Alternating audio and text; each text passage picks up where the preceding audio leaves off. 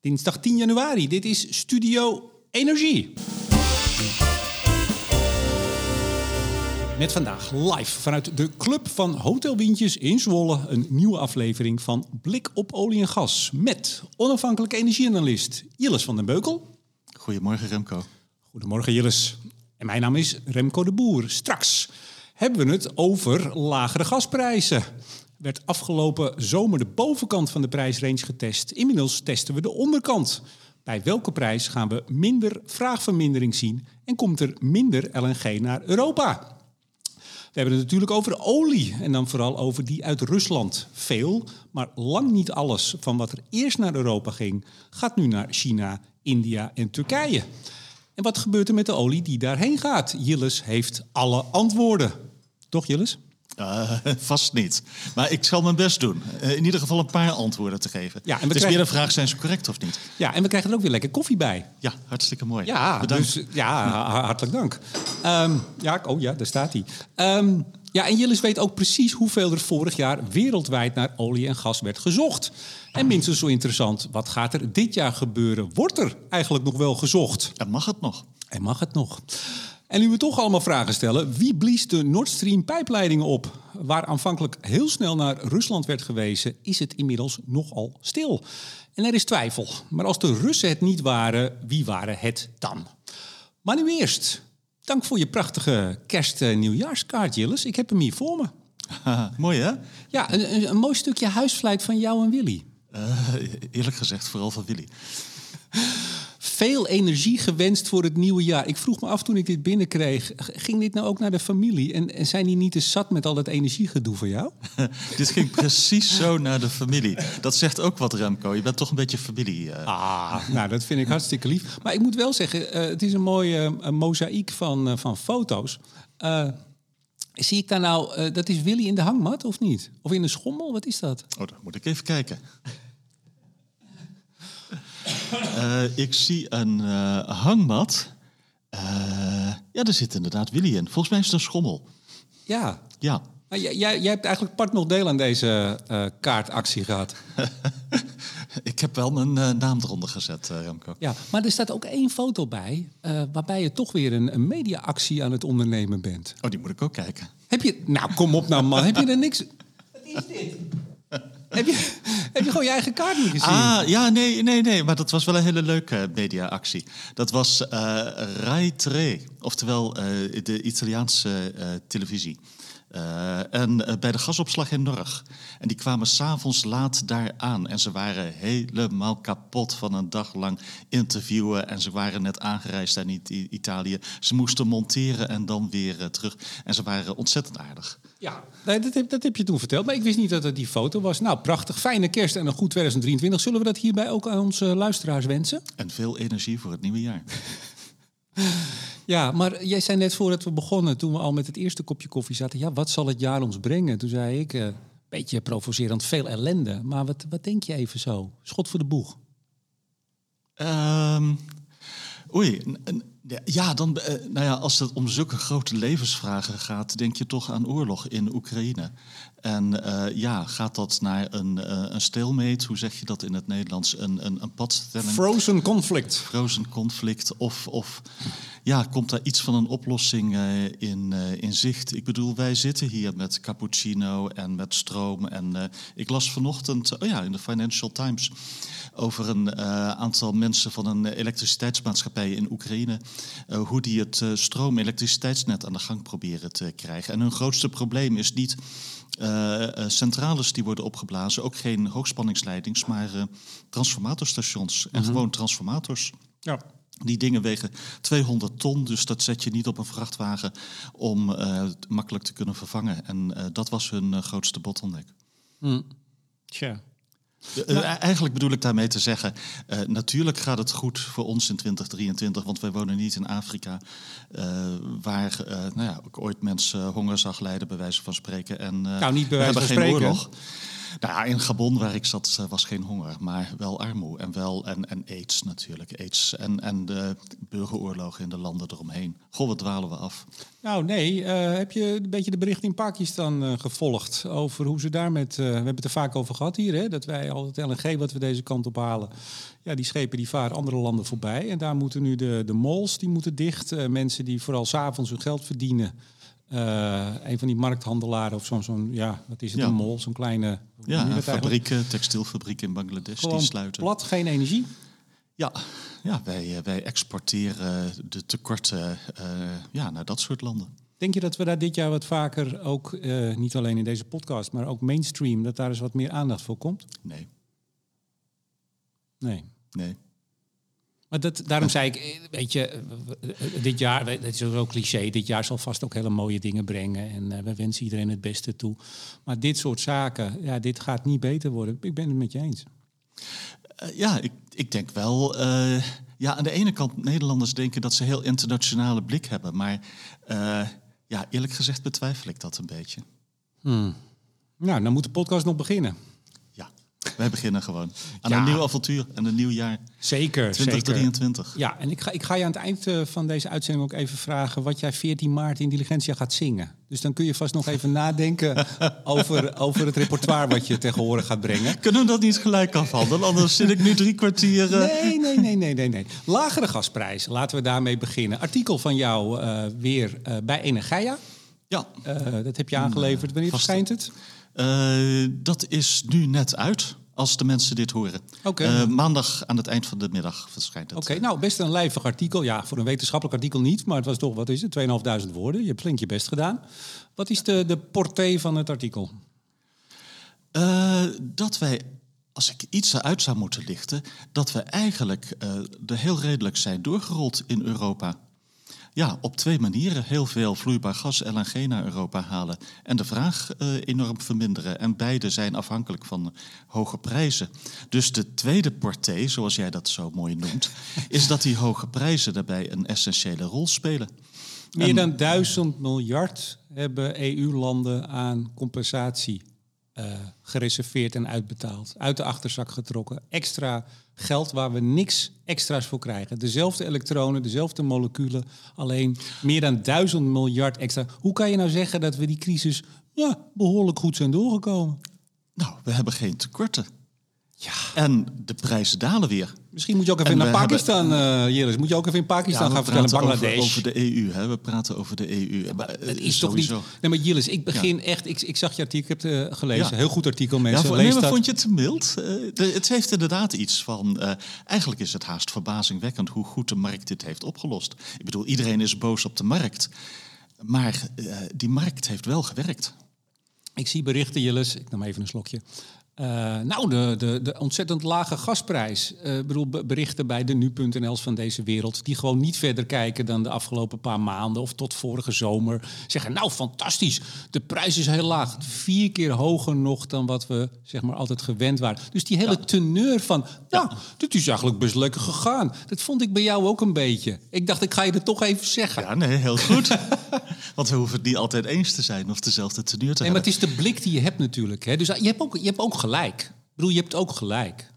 Eh, nou, het valt mij mee eh, hoezeer de markt dit heeft kunnen oplossen zonder al te grote rampen. Ja, dat, ja, maar eh, dat, dat is dus de definitie van wat is een ramp, wat is een grote ramp, wat is een al te grote ramp. En daar kun je dus over van mening verschillen. Ja. Nou ja, je ziet nu volle gasopslagen. Oké, de zachte winter helpt. En eh, dalende prijzen en dalende schattingen van eh, wat bijvoorbeeld in Nederland het prijsplafond eh, nog kost van 20 miljard naar 20 miljard plus naar 10 miljard naar 5 miljard nu. En eigenlijk is de vraag nu, hoe ver schiet de prijs aan de onderkant door? Want zoals je in het begin al zei, van de zomer hebben we de bovenkant uitgetest van de range. Eh, want ja, we zitten in een nieuwe wereld qua gas. Ja. Zonder Russisch gas. Of nou, zonder heel veel Russisch gas eh, in ieder geval. Een klein beetje nog. Nou ja, wat voor prijs hoort er bij die nieuwe wereld? Dat zijn we nu aan het eh, uitzoeken. Nou, de bovenkant hebben we gevonden, niet boven de 100 tot 150. Waar ligt de onderkant? Hè? Want op een gegeven moment krijg je minder vraagvermindering en krijg je minder LNG naar Europa. Terwijl je nu ziet op dit moment al voor het eerst dat de uh, Aziatische spotprijs LNG, de JKM, boven de TTF is gekomen. Wat betekent dat? Dat betekent dat het kan, uh, er zal wat vertraging in zitten, maar dat er wat meer uh, LNG vanaf dit moment richting Azië gaat, Japan, Korea, China, uh -huh. en wat minder naar uh, Europa. Alleen het zal een tijdje duren voordat we dat echt merken in fysieke gasstromen. Net zo goed als de vraagvermindering ook even nodig heeft, want ja, die groothandelsprijs die kan wel omlaag gaan. Het duurt een tijdje voordat de eindafnemers dat merken. En in die tussentijd, ja, zak je even door de vloer voordat we op een nieuw evenwicht uitkomen. En waar gaat het nieuwe evenwicht liggen? He, bij, bij, bij, bij 60 of bij 80 euro uh, per megawattuur of bij 100? Uh, we zullen het zien, want we, dat weten we ook niet. En het hangt ook af van weer, het hangt af van Poetin, het hangt af van Azië. Als die Chinese economie echt enorm gaat aantrekken, nou ja, zowel voor gas als voor olie heeft dat een uh, opwaartse druk op de prijzen. Ja, uh, nou het vullen van de gasopslag, je zei het al, LNG deze kant op. Maar je zegt er is nog een derde maatregel die we zouden kunnen nemen, misschien wel moeten nemen. Welke is dat? Lange termijn contracten niet overboord gaan met ze heel veel af te sluiten, maar wel een beetje als verzekering. Uh, je ziet Duitsland dat nu ook doen. Hè, van uh, de Duitse partijen, RWE, Uniper, die doen dat met Qatar, met uh, de Verenigde Staten. ja, en daar is Duitsland toch iets actiever in op dit moment dan Nederland. Het is ook makkelijker voor Duitsland. RWE en Uniper staan dichter bij de Duitse overheid dan dat Eneco en Vattenfall uh, bij de Nederlandse nou, overheid sterker, staan. Uniper is in staatshanden. Ja, ja. Volledig. Ja, volledig? Ja. Uh, ja. Volledig. Ik, ik, weet niet of het de facto al gematerialiseerd is, maar uh, het, het komt eraan. Ja. ja. ja. Dus ja, dat, uh, dat is een verschil met de Nederlandse. Nou, hoe, hoe, zou dat in Nederland kunnen, moeten? Misschien dat je. Nou ja, we hebben EBN ingeschakeld bij het vullen van de gasopslagen. Als er geen nieuwe Gasterra 2.0 komt, en ik zie dat niet zo gauw gebeuren in die zin dat Shell en ExxonMobil daar niet meer bij zullen zitten, nou, dan kun je denken van een uh, Gasterra-achtig iets 100% in staatshanden. Uh -huh. Maar dan kun je ook denken aan een, uh, aan een EBN. Misschien moet die maar eens, uh, nu ze toch actiever zijn in, op heel veel terreinen, dat ze hier ook een rol kunnen vervullen. Ja, en waarbij ik niet wil zeggen dat je nou hals over kop heel veel van die dingen moet gaan afsluiten. Maar in ieder geval iets om met je eigen productie in Nederland, die wil je ook een beetje stimuleren, en lange termijn contracten een behoorlijk deel van je consumptie af te dekken. Want alles op de spot laten aankomen, ja, is toch wel uh, heel erg slecht uitgepakt afgelopen jaar. Ja, jij zegt in je artikel, laat de EU en Nederland zich ook op uh, dit soort, dat heb je beschreven dan, volatiele markten, het kan alle kanten op, het kan omhoog en naar beneden, laten ze zich daarop voorbereiden en op het delayed en disorderly scenario. Ja, nou, da daar ging ook een, een halve A4'tje aan vooraf. Uh, wat het vooral had over, nou, hoe plaatsen we deze gascrisis, of misschien moet je wel zeggen energiecrisis, ook kolen, ook olie is duur, in de energietransitie. En bij die transitie kijken we vaak of naar het politieke correcte anderhalve graad scenario, of naar het niet zo creatieve business as usual scenario, hè, terwijl in werkelijkheid de wereld ook in energie toch wel degelijk op zijn kop staat. Maar ook zoiets van, uh, ja, we hadden een verhaal vroeger van, uh, oké, okay, energietransitie, minder vraag naar olie en gas, dan zal de prijs ook wel omlaag gaan. Nou, dat is niet wat we zien. Mm -hmm. We zien, uh, het is politiek incorrect geworden om ook nog maar iets te investeren aan de fossiele kant. Dat betekent minder aanbod bij gelijkblijvende vraag. Samen met geopolitieke onrust betekent dat hele volatiele markten waarop de gekste dingen gebeuren. Maar hoe moet met eerder daar... hoge dan lage prijzen. Ja, maar hoe moet Nederland zich daarop voorbereiden in de EU? Uh, nou, daarin uh, zijn een aantal dingen gedaan. Dus meer LNG-invoercapaciteit, uh, gasopslagen goed vullen en als derde poot, nou ja, en verder zou je kunnen denken, kleine velden toch een beetje stimuleren. Plus uh, inderdaad toch wat lange termijn contracten afsluiten om een stukje zekerheid te hebben. En er zit niet alleen een volumeaspect aan, er zit ook een prijsaspect aan. En bij die lange termijn contracten kun je ze ook gaan ophangen aan Henry Hub, uh, de Amerikaanse gasprijs, met een bepaalde opslag erbovenop. In plaats van alles op uh, TTF in te zetten. Ja, moet je dan ook niet zeggen dat we de beurs moeten trekken en dat we rekening moeten houden met hele hoge energieprijzen de komende jaren? Ja, dat ook. Uh, Lijkt me en, ook niet onbelangrijk, is, Jillis. De vraag is hoog of heel hoog of extreem hoog. Maar wel hoog. Want uh, we zijn niet terug in uh, de oude goedkope gaswereld met, nou ja, zoals we die in 2015, 2020 hadden. Die wereld is weg. Minister Jette, eh, zaterdag in, in Parool. Ja, inderdaad. De prijzen blijven nog, nog lang hoog, jarenlang. Ja, en het is altijd natuurlijk van ja, elke voorspelling gaat uit van waar ze nu staan met een beetje aanpassing. Maar this time it's different. Hè? Dit keer blijven ze echt hoog. En, en nou ja, hangt natuurlijk wel heel veel af. Is Rusland echt weg van de gasmarkt bijvoorbeeld en van de oliemarkt? Is er echt een scheiding lange termijn tussen Europa en Rusland op energiegebied? Ja. Uh, ik bedoel, stranger things have uh, happened. Ja, nou, misschien, misschien komt er wel wat terug. Olie ja. komen we zo op. Gas, uh, nou ja, daar zijn we Gas, wel. daar zitten we nu, hè? Ja, daar zitten we nu, maar daar zijn we wel een beetje van de, de Russen af. Ja, LNG, dat, dat ja, is de kant. maar we gaan automatisch aannemen, we zijn voor altijd van de Russen af nee. met gas. En ja, wie weet komt daar ook ineens wel weer verandering in. Wie weet valt meneer Want ze gaan wel door met LNG. Vloeibaar gas hebben ze nooit stilgezet. Komt Ja. gewoon van Jamal naar Rotterdam varen. Maar ook ineens, ik geloof op 30 december... oké, er hoeft toch niet meer per se in roebels betaald eh, te worden. Ja. En ik zei, eh, of ik wou zeggen, eh, meneer Poetin kan zomaar uit het raam vallen. Per ongeluk.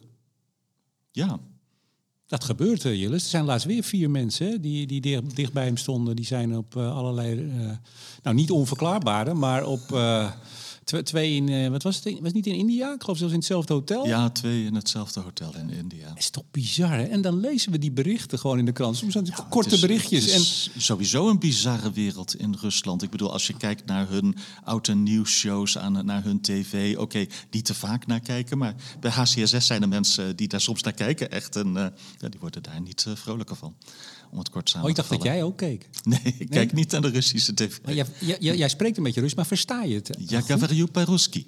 Очень трудно. Daar houdt het ook wel ongeveer mee op. Hoor. Hey, even, je had het net over de kleine velden ook in Nederland, gaswinning. Een rapport verschenen, eh, CE Delft plus TNO, december, eh, dus vorige maand. Ehm, eh, gaswinning op de Noordzee, ondertitel en de afspraken daarover in het akkoord voor de Noordzee. Het NZA, zeg ik er meteen maar even bij. Wat, eh, wat was de conclusie van het rapport? Eh, ja, iedereen leest daarin wat hij daarin wil lezen. Dus dat geldt denk ik ook wel voor mij. Eh, en ik lees gewoon van eh, gaswinning op de Noordzee heeft een veel lagere carbon footprint dan geïmporteerd gas. Het meeste geïmporteerd gas, LNG. Eh, het is goed voor onze financiën en qua volume is onze productie een stuk minder dan het eh, verbruik. Met andere woorden, als je minder produceert, ga je meer importeren met een hogere carbon footprint. Nou, dan zeg ik heel pragmatisch, dus dat is een goed idee. Maar andere mensen lezen er andere dingen in. Ja, wat bijvoorbeeld? Eh, mag dit nog wel? Is er nog wel budget voor? En dan kom je Ja, in een carbon, moeilijke carbon budget. carbon budget. En dan kom je in een moeilijke discussie. Want ja, je kunt wetenschappelijk eh, zeggen van oké, anderhalve graad of twee graden, al- overal kun je een carbon budget bij uitrekenen. eh, met een onzekerheidsrange eromheen. Maar hoe je dat gaat verdelen is een politieke keuze. Maar nou is het opvallend. In het rapport staat er is geen algemeen geaccepteerde of wetenschappelijke methodiek voor die toedeling van het budget naar verschillende landen. Ja, Maar ze doen het wel in het rapport. Nou, ik vind het meer dat ze in, nee, in het rapport zeggen ze wat mij betreft van eh, er is geen goede manier voor en geen algemene geaccepteerde manier. Nee, maar en daarbij houden ze iedereen te vrienden. Maar vervolgens doen ze het wel. Ik vind het meer dat dat eh, sommige lezers zijn die dat doen. Nee, nou, ik heb hier het grafiekje voor me. Er staat precies tot welk jaar in ons budget. En dan wordt er nog gekeken naar of we historisch kijken. Of we, oftewel een soort van de, de schade die we al hebben toegebracht. Want dan hebben we helemaal geen budget meer. Dan hebben we een negatief budget. Dan moeten we bij wijze van spreken meteen eh, stoppen. En, en negatieve emissies dan, denk ik. Ik weet het niet. Eh, dus er staat een heel grafiekje met eh, ons, ons carbon budget. Ja, maar hoe je dat verdeelt, dat blijft toch echt een keuze. Een politieke keuze.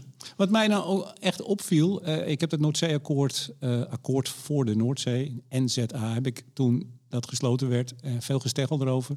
Jacques Wallage, die leidde dat, dacht ik. Zeg ik het goed? Ja, volgens mij wel. Ehm, in dat akkoord is afgesproken dat de gaswinning eh, op zee altijd minder moet zijn dan het binnenlands verbruik. Ja, nou, ik, ik vond het een bizarre afspraak. Eh, het is wel een, eh, als je het hebt over Nederland navelstaren postzegel, ja. Maar, maar even, di- dit kabinet heeft eigenlijk ingezet op nou, besparing, gas, et cetera. Maar vooral als het gaat over winning, meer gas van de Noordzee.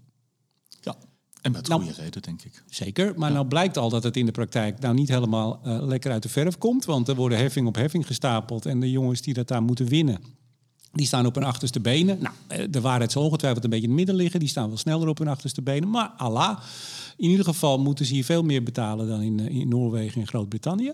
Maar er is dus ook nog eens afgesproken in dat akkoord, wat volgens mij de zegen van het kabinet heeft, dat we nooit meer gaan winnen. Het moet altijd minder zijn ons verbruik. Dus we zeggen fuck you tegen de Duitsers. Zorg jij maar voor je eigen gas. Eh, fuck you tegen de Belgen. Eh, zoek het lekker uit waar je het vandaan haalt. Al hebben we dus heel veel, al, al hebben we heel veel zitten. Dus we zeggen aan de ene kant, we gaan er alles aan doen om meer gas uit de Noordzee te halen. En tegelijk zeggen we, ja weet je, het mag nooit meer zijn dan we gebruiken. Ja, Ik vind het echt, eh. weet je, dit, dit zijn van die zaken dat je denkt... Ja, maar dat, dat Ja. zijn de moeilijke discussies die je krijgt. Voor het klimaat is het zo. Hoe meer je wint uit de Nederlandse Noordzee, hoe, eh, hoe beter. Ook in wezen als je een gedeelte daarvan naar België, Frankrijk of eh, Duitsland eh, exporteert. Maar ja, dan is de pragmatische discussie tegen de, ja, wat zal ik zeggen?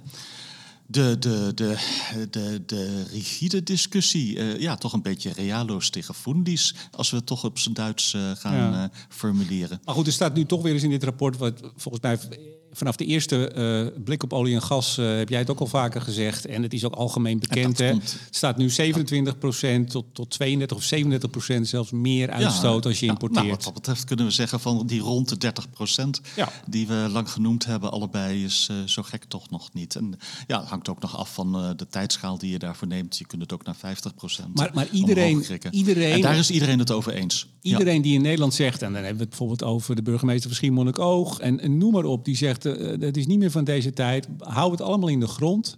Iedere kuub die dan vervolgens nog gebruikt wordt in Nederland, die niet uit de Nederlandse grond komt, heeft Ja. dus ongeveer een 30% meer schadelijke effect op het klimaat. Dus Alsjeblieft en dankjewel. Ja, dus ik had een hele eenvoudige, fremende tweet van... het is niet meer van deze tijd om daar tegen te zijn. Eh, en die kreeg ineens eh, 300 of 400 eh, likes of zo. Je was weer lekker aan het polariseren, Jilles. Je was weer lekker even, lekker even bezig. Ik was met kerst even aan het polariseren. Geen goed idee. Ja, maar je, je, hebt, je, hebt, eh, je hebt een paar tweets gehad de afgelopen weken dat ik af en toe dacht toen ik het zag van, oeh, gaat goed met.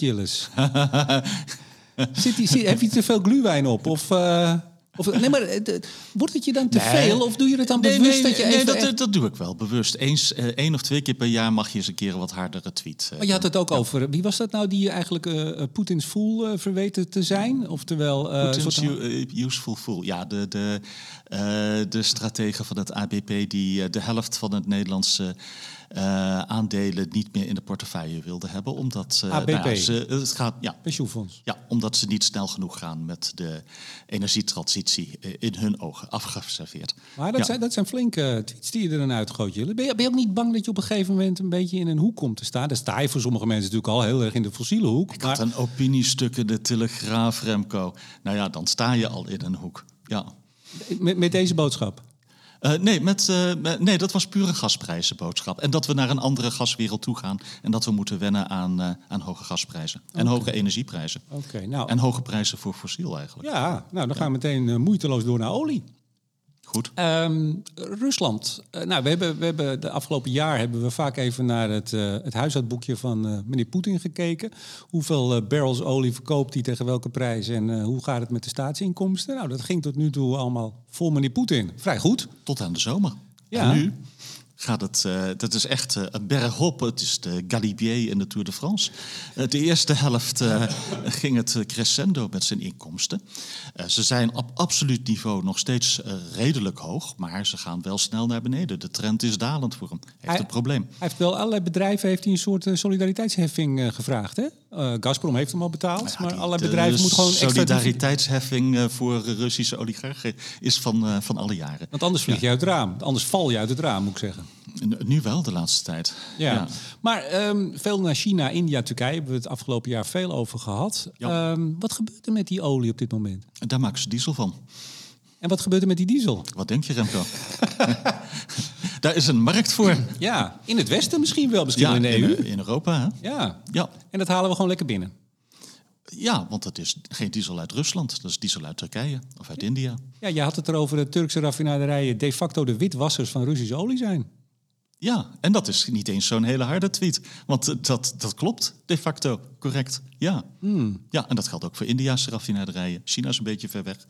Maar uh, ja, Midden-Oosten, Turkije, India, die uh, kopen goedkoop Russische olie in. En dat gaat nu op dit moment voor ongeveer 40, 45 dollar per vat. Met de discount die er op de Oerals zit. Mm -hmm. Nou, en die verkopen voor behoorlijk de hoofdprijs de diesel. Want de dieselopslag, de, de, de spread voor dieselraffinaderijen is hoog. Die verkopen dat inderdaad aan Europa. Of eigenlijk, beter gezegd, aan de wereldmarkt. Maar in de praktijk gaat daarvan ook een deel naar Europa. Ja, want je, je ziet die uitvoer dus stijgen in de, in de getallen. Ja.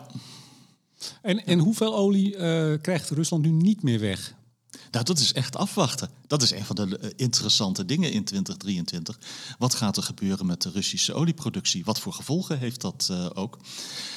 Uh, ik heb jou net aangekondigd als de man die de antwoorden heeft, dus uh, ik ga nee, er even nee, voor zitten. Nee, ik ben de man die de onzekerheden heeft. uh, die de ranges heeft, hoop ik, dat ik als ik verstandig ben. Want als ik niet verstandig ben, dan ga ik doen alsof ik de toekomst kan voorspellen. Dat is natuurlijk niet zo. Dus het is gewoon afwachten. Gaat die Russische olieproductie met, bij wijze van spreken, 5 of 15 procent naar beneden? Maar, maar, en de andere kant, wat gaat er met de vraag gebeuren in China? Dat is de andere grote vraag die boven de markt hangt. Ja, nou ja, in het tempo waarin mensen daar besmet worden, moeten ze met een maandje of twee moeten ze wel uh, er doorheen zijn. Ja, en dan wordt het uh, zomer en dan uh, hebben we sowieso een minder groot coronaprobleem waar je ook zit. En als dan die Chinese economie ineens heel snel begint aan te trekken, dan kan het nog spannend worden op twee vlakken. Van hoeveel LNG houden ze dan weer zelf en verkopen ze niet door naar Europa? En hoe gaat het met de olieprijzen? Dus je had Pierre Endurand, een Franse hele bekende hedgefund manager in de oliewereld, met ook nou, echt goede analyses. Uh, niet uh, whitewashing, maar echt fundamentals mm -hmm. waar hij naar kijkt.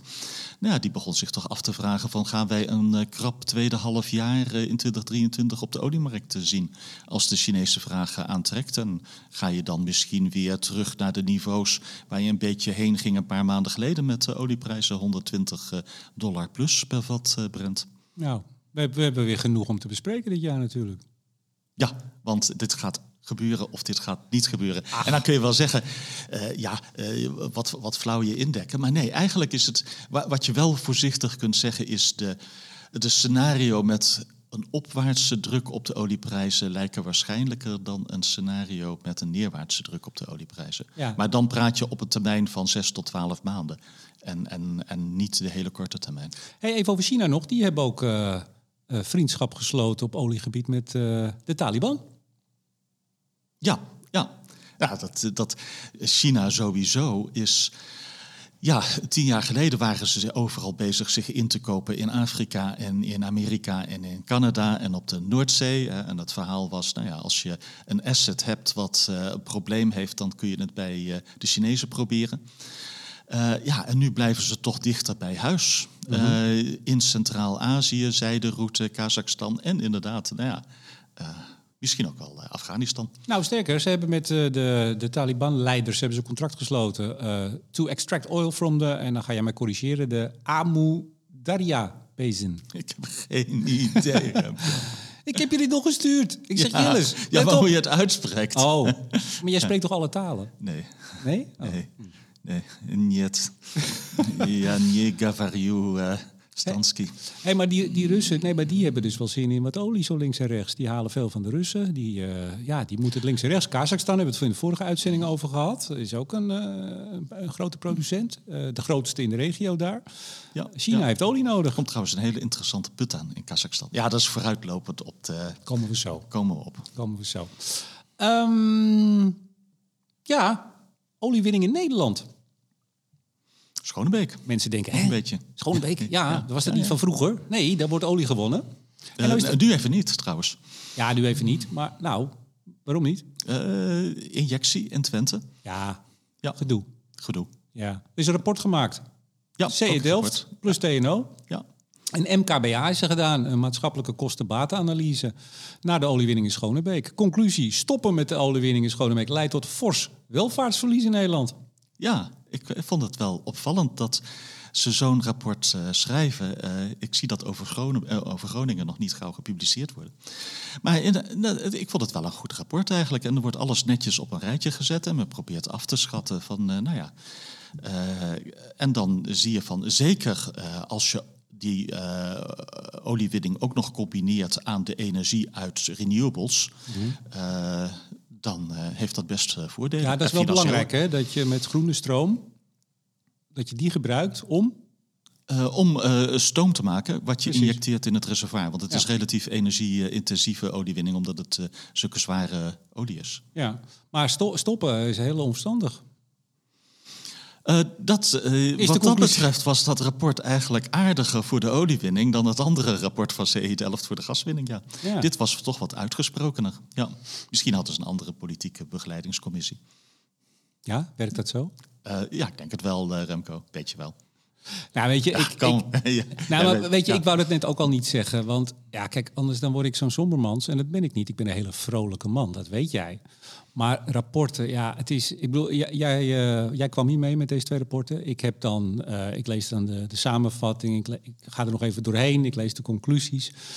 Uh, maar ik denk heel vaak als ik dat lees, ja, precies dit opdrachtgever, nou in dit geval was het, het uh, was het EZK, hè, of het kabinet eigenlijk, een motie van uh, Bromet, uh, Laura Bromet, GroenLinks, een motie in de Kamer.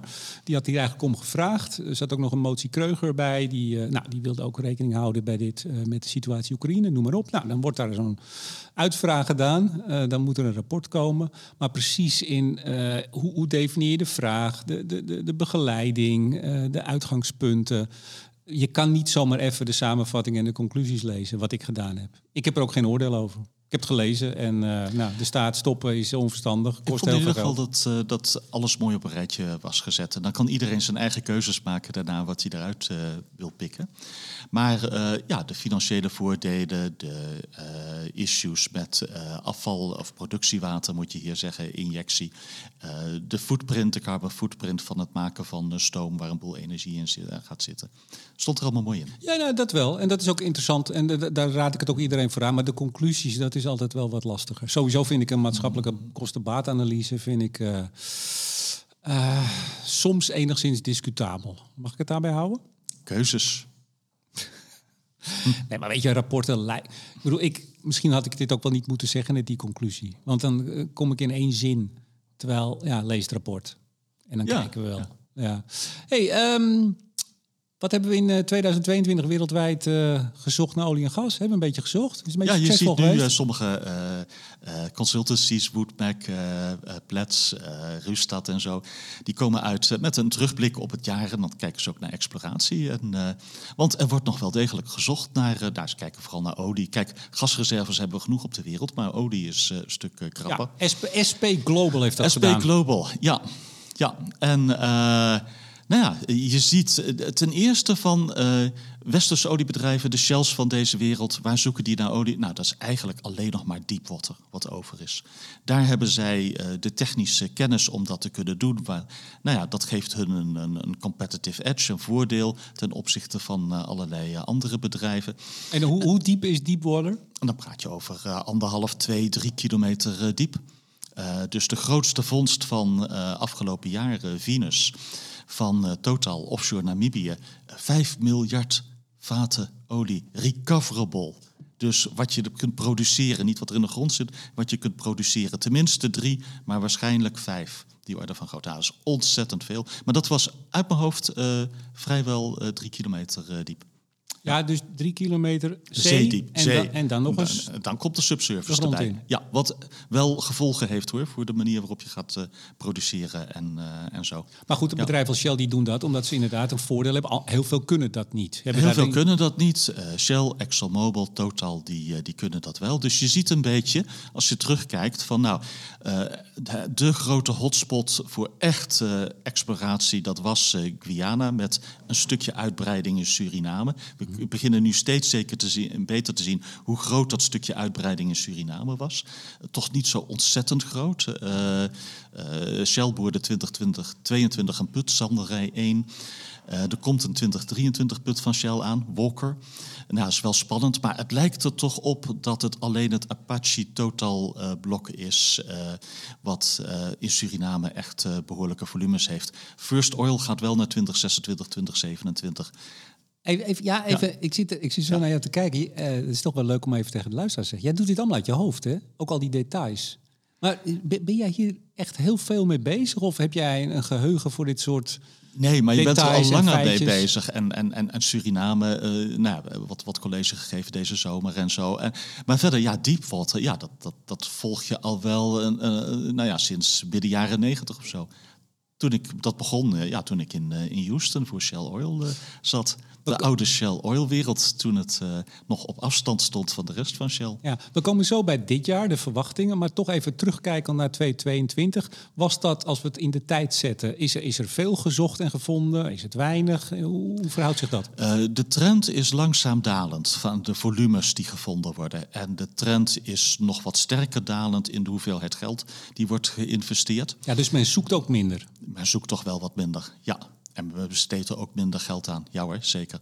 De vraag is eigenlijk, nu die olieprijzen zo hoog zijn... en toch behoorlijk hoog in ieder geval...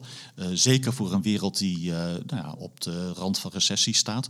ja, eh, komt de druk en de verleiding om meer te gaan investeren.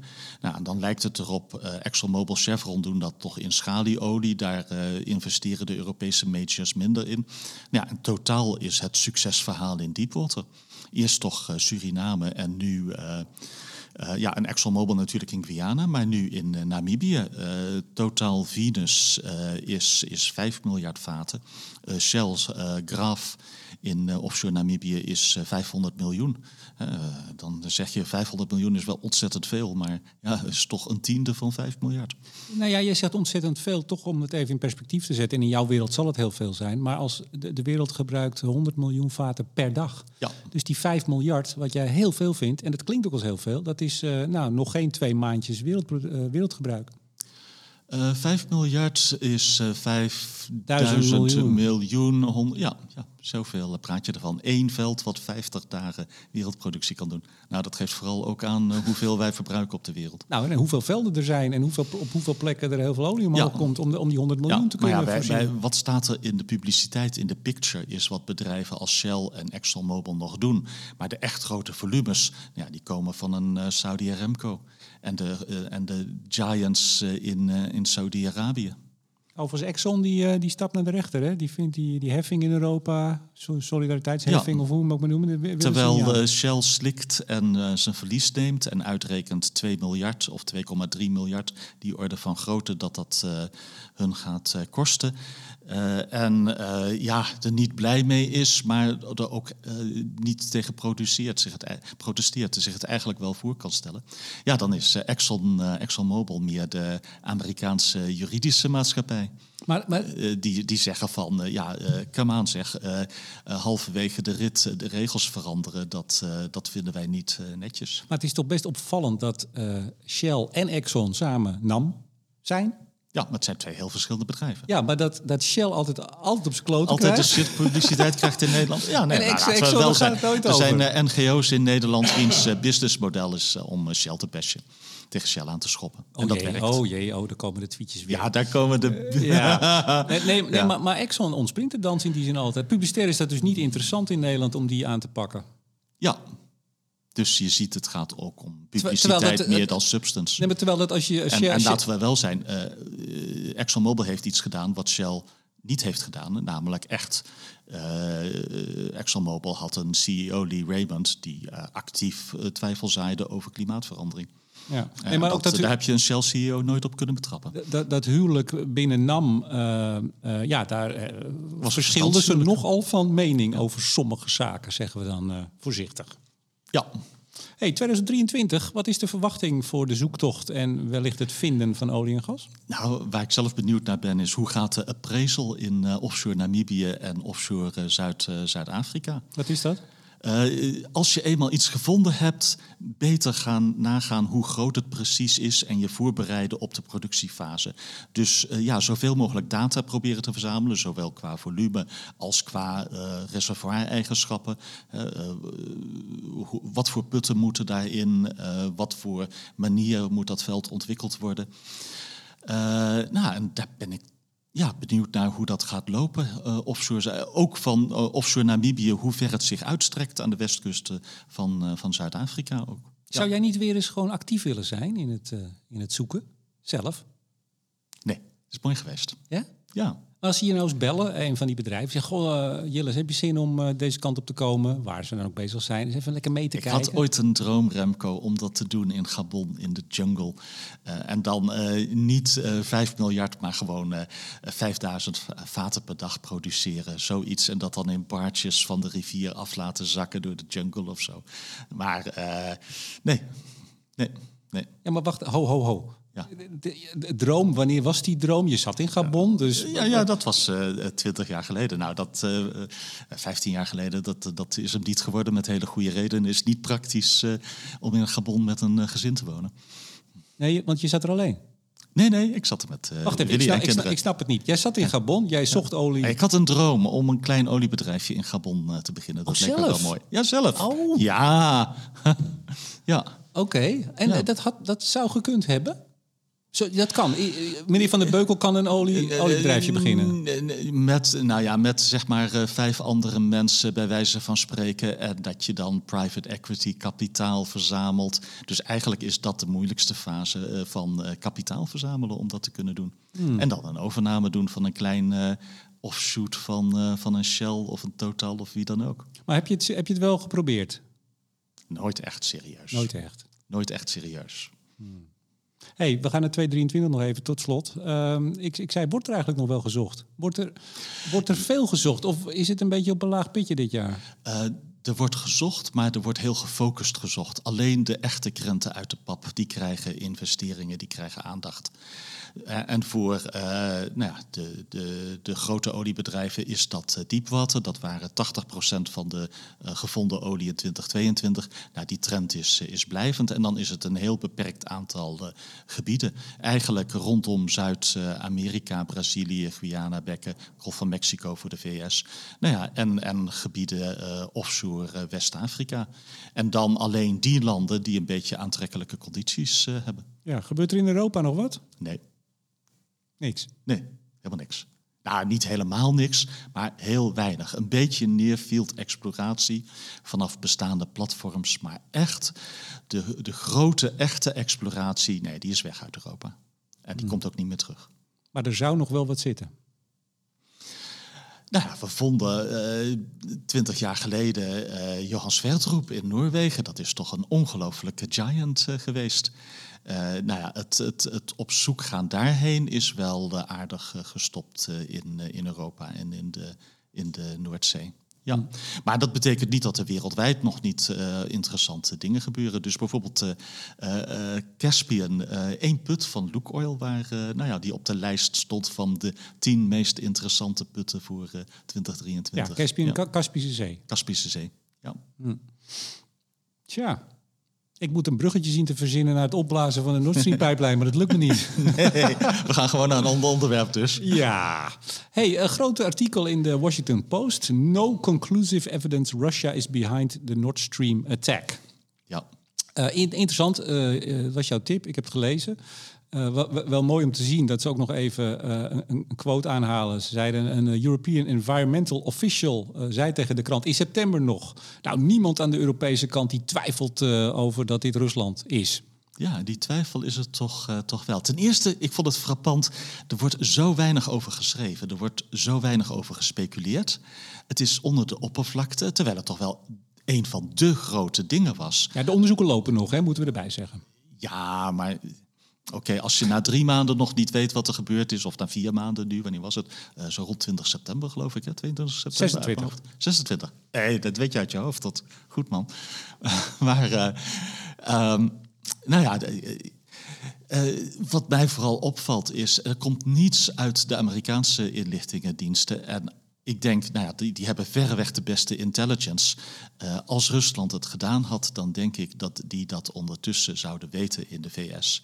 En, de, en dat misschien ook wel naar buiten hadden gebracht. En er wordt niks naar buiten gebracht. Met andere woorden, of ze weten het niet in de VS, of het is gedaan door iemand waarvan ze denken van, uh, nou, het is niet in onze interesse om het nu uit te brengen. Misschien was het wel Polen of Oekraïne of een van de Baltische staten. Want zo moeilijk is het niet. Eh, kijk, er zijn een paar dingen duidelijk. Het is niet van binnen die explosie, maar van buiten. Het is een, eh, een lijn van enige tientallen meters waarop iemand explosieven aan die pijpleiding heeft eh, vastgekleefd. Nou ja, dat, dat kan met een onderwaterdrone, zeg maar, robot. het kan met een, een, een, diver. Je hebt eigenlijk alleen een, een, schip nodig wat daar een tijdje is geweest. Nou ja, er zijn schepen gesignaleerd zonder transponders uh, uit. Uh, die daar boven hebben gezeten. Maar waarom heb je schepen nodig? Want zelfs in de oude James Bonds, ja, dat was toch de werkelijkheid. Is, kon je met die kleine uh, van die onderzeeërs waar je op gaat zitten met z'n tweeën of alleen, ja. kan, kan je tientallen ja, kilometers op die klein onderzeekertje is het niet zo handig om de hele door, uh, Oostzee door te varen, geloof ik. Maar je, het, was niet ver uit de kust nee. van het eiland. Ja, maar je kunt inderdaad, uh, nou ja, zo, laten we het zo zeggen, zo verschrikkelijk moeilijk is het ook weer niet dat alleen Rusland, Amerika en misschien Duitsland dat zouden kunnen of zo. Misschien hadden wij het wel best... met z'n tweeën. Nee, dat ook weer niet. Nee? nee? wij zijn daar veel te onhandig voor. Zie jij ons al in een soort kickforce-pak... Uh, ik zou jou wel eens in een kickforce-pak willen zien, moet ik wel eerlijk uh, bekennen. Nee, maar ook die explosieven, dat was wel, ik geloof, een paar honderd kilo. Hè? Dus dat is ook ja, nog wel even een dingetje. ook, uh, ze weten ongetwijfeld nu welke explosieven dat waren. Maar oké, okay, dat is op zich niet military grade explosives of zo. Dat is op zich ook niet genoeg om te kunnen zeggen wie dat gedaan heeft. Er gaan berichten van, nou ja, aan dat soort militaire explosieven worden soms traces toegevoegd dat je dat wel kunt traceren. Nou, wie weet.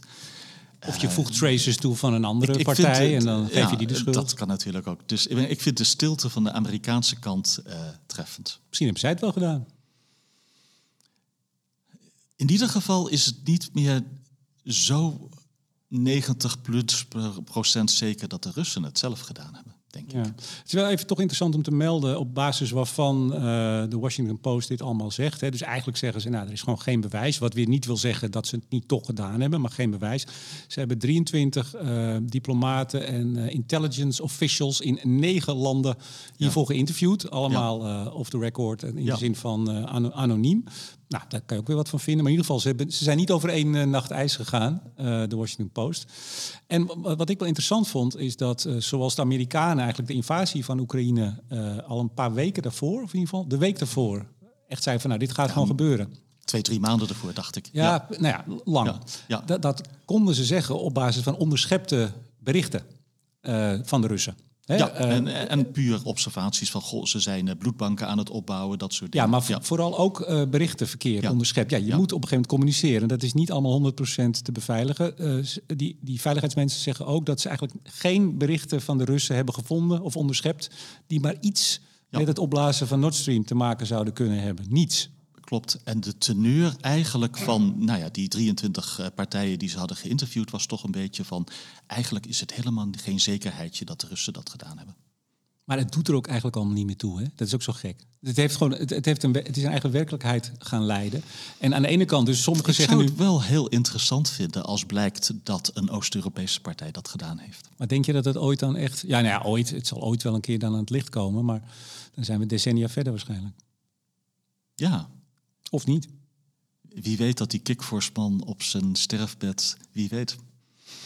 Maar of het, niet. Het, het, is natuurlijk interessant, hè? want er waren in het begin ook wel uh, mensen die meteen zeiden... ja, waarom zouden ze dit doen? Want Rusland is nu zijn, zijn drukmiddel kwijt, hè? want nu kan er niks ja. meer door. Hè? Het was toch van, nou, zullen we hem toch weer openzetten? Wil je hem open hebben? Nee? Oh, dan doen we hem toch weer dicht. Nou, dat zijn ze kwijt.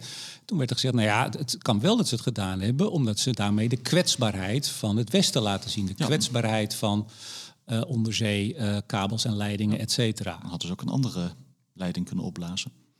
De Baltic Line. Tja, bijvoorbeeld. Nou, we gaan het dus voorlopig niet weten. Zullen we dat uh, als conclusie doen? Als verreweg het meest waarschijnlijke scenario. dat is een beetje jouw business, hè? Verreweg het meest waarschijnlijke scenario. Scenario's. Waar kijk je naar uit komende maand? Dit is de vooruitblik. Um, nou, eh, meer waar kijk ik naar uit komend jaar? Uh, toch weer een beetje te gaan reizen een keer. Ja, ja, toen ik stopte bij Shell, toen ben ik een half jaar uh, gelopen. Ik zie mezelf geen half jaar meer lopen, maar ik zou wel een half jaar weer eens een keer uh, op pad willen gaan. Wil Willy dat ook? Ja, Willy wil dat ook wel. Ja? Ja. Oh. Ja. En wat, wat, wat moeten we met de luisteraars dan? Daar denk ik meteen aan.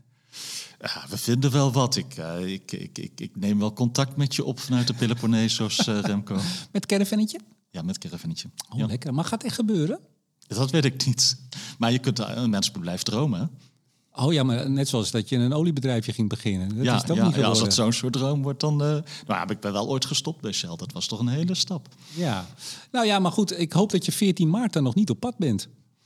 Ah, nu kom je weer terug op 14 maart. Hè? Dat heb je me wel mee verrast. Eh, eh, nee, nee, dan eh, ben ik nog niet op pad. 14 maart in Theater Diligentia in Den Haag. Het vijfjarig bestaan van Studio Energie. Met onder andere de tweede editie van de grote energie- en klimaatquiz. Onder leiding van, moet ik zijn naam nog zeggen? Ja, natuurlijk. Martin Visser, de ongekroonde cijferkoning van de transitie. Jij bent op het podium. Eh, Hans van Kleef onder andere. Ja, dat, eh, ik zou zingen. Had je, niet, eh, had nog- je me niet gemeld. We hebben nog veel meer gasten, maar ik ga zo'n beetje zo de komende weken ga ik af en toe even wat aankondigen. Maar wat, wat zou je willen zingen? Wat, wat voor repertoire ligt jou het best? Remco, dit, dit is volledig onvoorbereid.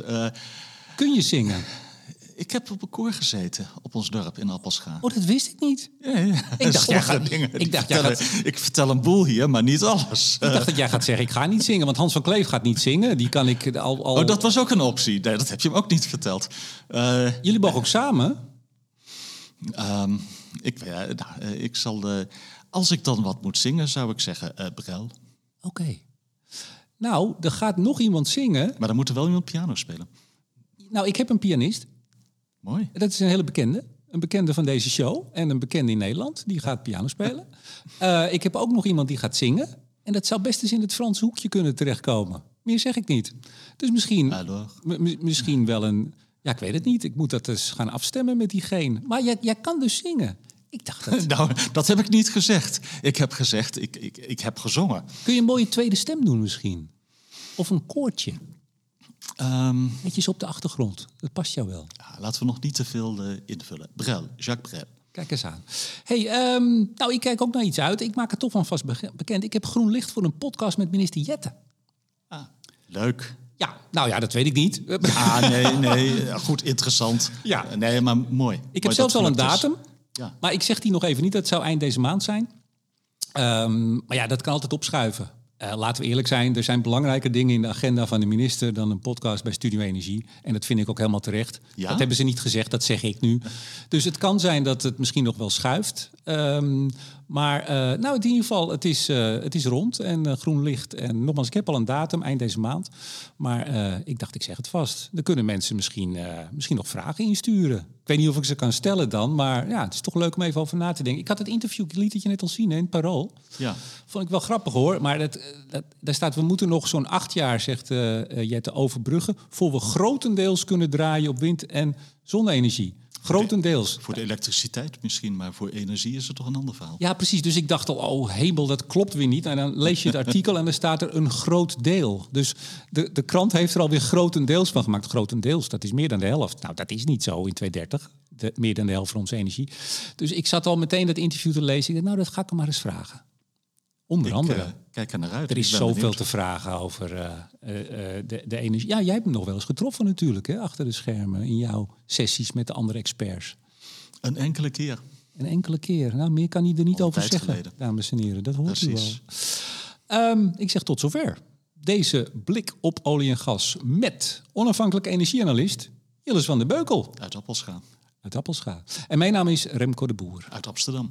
Graag tot volgende week.